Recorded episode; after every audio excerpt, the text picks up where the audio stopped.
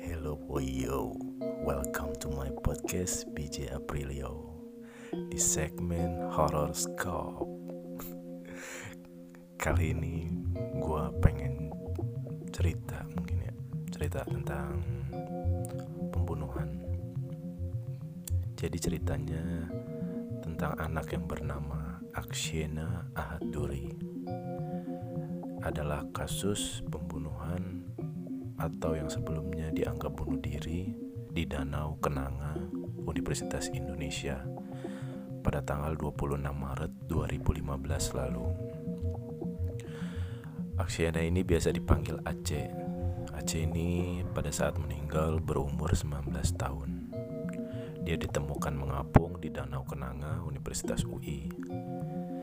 Aceh ini mahasiswa biologi Fakultas MIPA tahun 2013. Jadi ceritanya guys, dia ini sering ikut lomba atau olimpiade tingkat daerah. Tapi tiba-tiba dia ini tidak diikut sertakan pada olimpiade tingkat nasional. Jadi ada spekulasi bahwa dia depresi dikarenakan masalah ini. Sampai suatu saat kesaksian ibunya pun dia pernah nerima curhatan anaknya bahwa dia itu sedih, depresi. Jadi alasan inilah yang dianggap polisi sebagai bunuh diri pada tahun itu. Tapi anehnya pada saat ditemukannya mayat Aceh polisi langsung olah TKP dan di kosannya ditemukan sebuah memo. Memo itu bertuliskan will not return for eternity.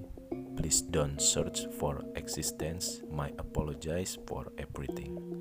Yang artinya tidak akan kembali untuk keabadian. Tolong jangan mencari keberadaan maafkan aku untuk segalanya. Kalau diteliti dari para ahli, dari memo ini kalimat dan kata-katanya itu tidak mencerminkan orang yang depresi. Malah terkesan lebih resmi dan seperti ditujukan untuk para pejabat atau perkantoran. Karena kalau orang depresi yang ngebuat tulisan harusnya lebih dengan kata-kata yang kalut dan ditujukan untuk seseorang atau orang sekitar dia dengan menggambarkan situasi hati dia atau apa yang dia alami. Supaya orang tahu di saat dia bunuh diri apa alasannya. Tapi ternyata kalimat yang ada di memo itu terkesan singkat. Jadi dari situ banyak spekulasi polisi yang akhirnya mengolah TKP untuk diulang lagi. Dan pada saat di autopsi, mayat Aceh ini tewas di dalam air. Dan ada sebuah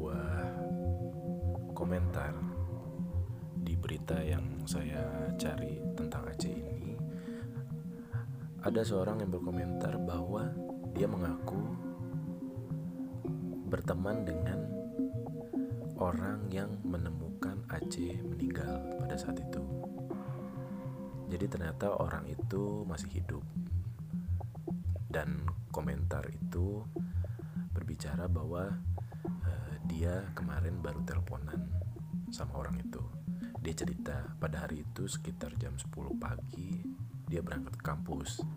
Sengaja datangnya lewat daerah situ soalnya dia mau bolos kelas awalnya katanya.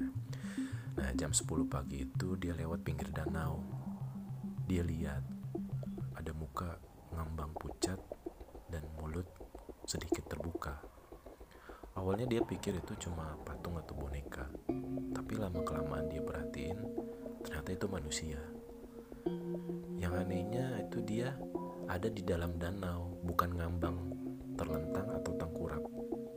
Ini dia seperti dalam keadaan berdiri dengan kepala masih nongol di danau. Nah, beberapa menit kemudian dia melihat ada seorang wanita yang melintas di situ juga. Akhirnya dia meminta tolong wanita itu untuk menjaga TKP itu sedangkan dia mencari bantuan dan menelpon polisi pada saat kejadian itu emang kondisinya hujan deras. Jadi temannya itu lewat juga bawa payung. Nah setelah penemuan mayat Aceh di danau itu dia langsung ditanya-tanya oleh wartawan yang datang. Terus beberapa minggu kemudian juga ia dipanggil dekan karena harus membuat kesaksian pada polisi Setelah diautopsi itu ternyata dugaan sebelumnya yang polisi mengatakan bahwa uh, dia itu tewas di dalam air dalam keadaan masih hidup. Tapi setelah autopsi ditemukan luka-luka lebam di pelipis mata, telinga dan bibir.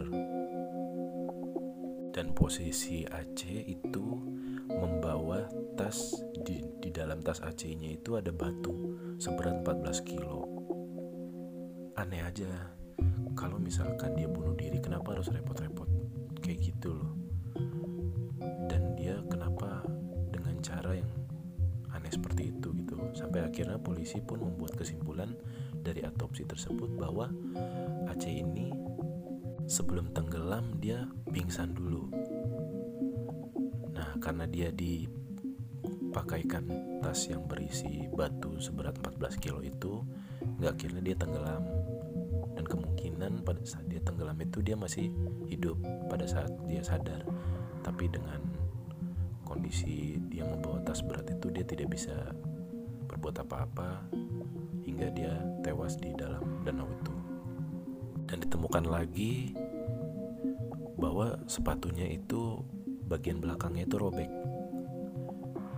Diambil kesimpulan bahwa si Aja ini diseret sampai danau itu dalam keadaan pingsan ya. Nah, dan lalu dugaan tersangka yang berinisial J itu yang pertama menemukan surat wasiat atau memo dan yang memberikan ke polisi. Tapi alasannya aneh. Alasan dia bisa masuk ke kamar AC katanya disuruh tantenya Aceh karena khawatir sudah empat hari Aceh tidak bisa dihubungi tapi dengan ditemani pemilik kos. Tapi anehnya kesaksian inisial J ini ceritanya berubah-berubah. Jadi polisi menarik kesimpulan bahwa mungkin si Aceh ini sudah mempunyai firasat akan dibunuh. Makanya dia mengirimkan pesan kepada temannya yang berinisial J itu untuk mengajak bertemu akan terbunuh dengan alasan ingin mengajak J jalan-jalan yang sebenarnya ia mengajak bertemu agar si J ini dapat menyelamatkannya gitu. Jadi J yang sangat semangat ingin bertemu Akshena ini malah mendapatkan pemandangan yang sangat tidak ingin dia lihat.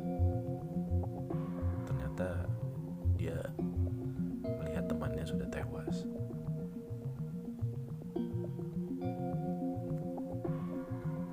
Jadi pada bulan Februari tahun 2020 kemarin, polisi membuka lagi kasus Aceh ini setelah mendapatkan hasil kecurigaan dari otopsi tersebut. Nah, yang anehnya lagi, pada tahun 2017 itu akun Twitter Aceh itu tiba-tiba aktif dengan postingan bertulis aku tapi tiba-tiba hilang. Nah, di awal tahun 2020 yang saksinya dari 15 orang itu meluas menjadi 28 orang yang berada di lokasi. Karena menurut kesaksian mahasiswa di situ di saat pada saat kejadian ada dua orang yang melihat uh, dua orang pada saat itu. Tapi kondisinya sedang hujan deras. Jadi kesaksian dua orang ini mereka melihat di pinggir danau itu ada dua orang yang sedang berdiri di pinggir danau. Tapi tidak bisa disamperin karena emang keadaannya lagi hujan deras gitu.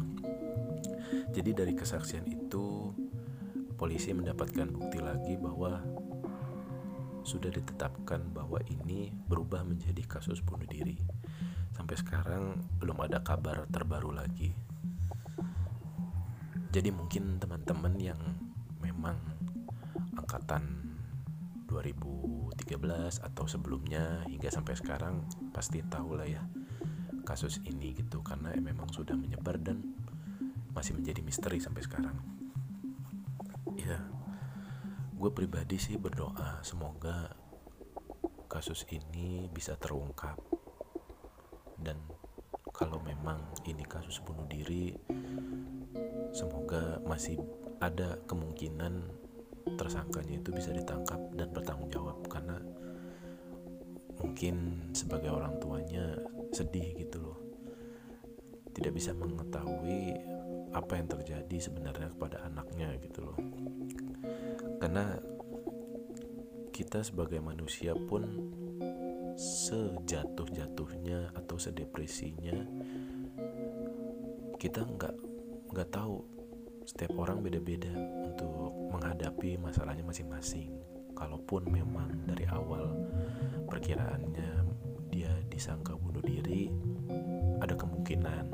Makanya polisi membuat keputusan itu di saat itu gitu tapi di lain sisi juga banyak yang beropini bahwa dari semua bukti yang ditemukan mungkin itu lebih mengacu pada pembunuhan. Ya, semoga polisi bisa menemukan tersangkanya dan keluarga diberi jawaban yang membuat mereka tenang. Amin. Jadi itu aja sesi segmen horoscope. Semoga nanti gue ada cerita-cerita lagi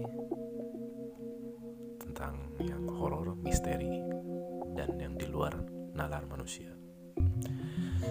Sampai jumpa, hasta la vista, and ciao.